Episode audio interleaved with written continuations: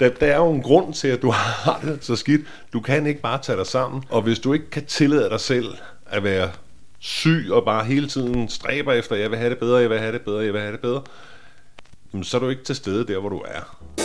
Nalle, der er jo en grund til, at vi ikke tager livet af os selv hver morgen, når vi vågner.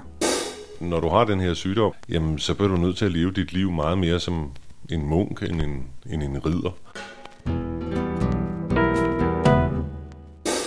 Du lytter til Velfærdsland Talk, en podcastserie med samtaler om og fra velfærdslandet Danmark.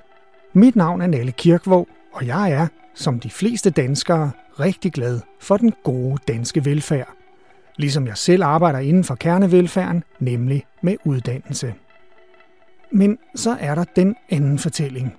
Siden et trafikuheld i 1990 har jeg haft et omfattende og kronisk smertehandicap. På en god dag, der er der smerter 8-9 timer i løbet af dagen.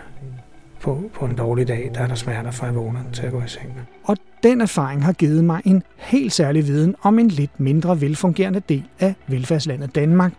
Noget, jeg blandt andet udforsker i samtaler med forskellige gæster her i Velfærdsland Talk. Og dermed velkommen til Velfærdsland Talk, den første podcast i en længere række, og øh, dermed også velkommen til den første samtalegæst, som øh, er med her i Talk. Jeg hedder Rex Undtit og er et par 50 og øh, er journalist. Og jeg holdt op med at arbejde for en 10 år siden, fordi jeg har en kronisk sygdom, som hedder sklerose. Sklerose, ikke, Sklerose. ikke sklerose. Og det kommer lidt an på, hvor i landet man kommer fra. Okay.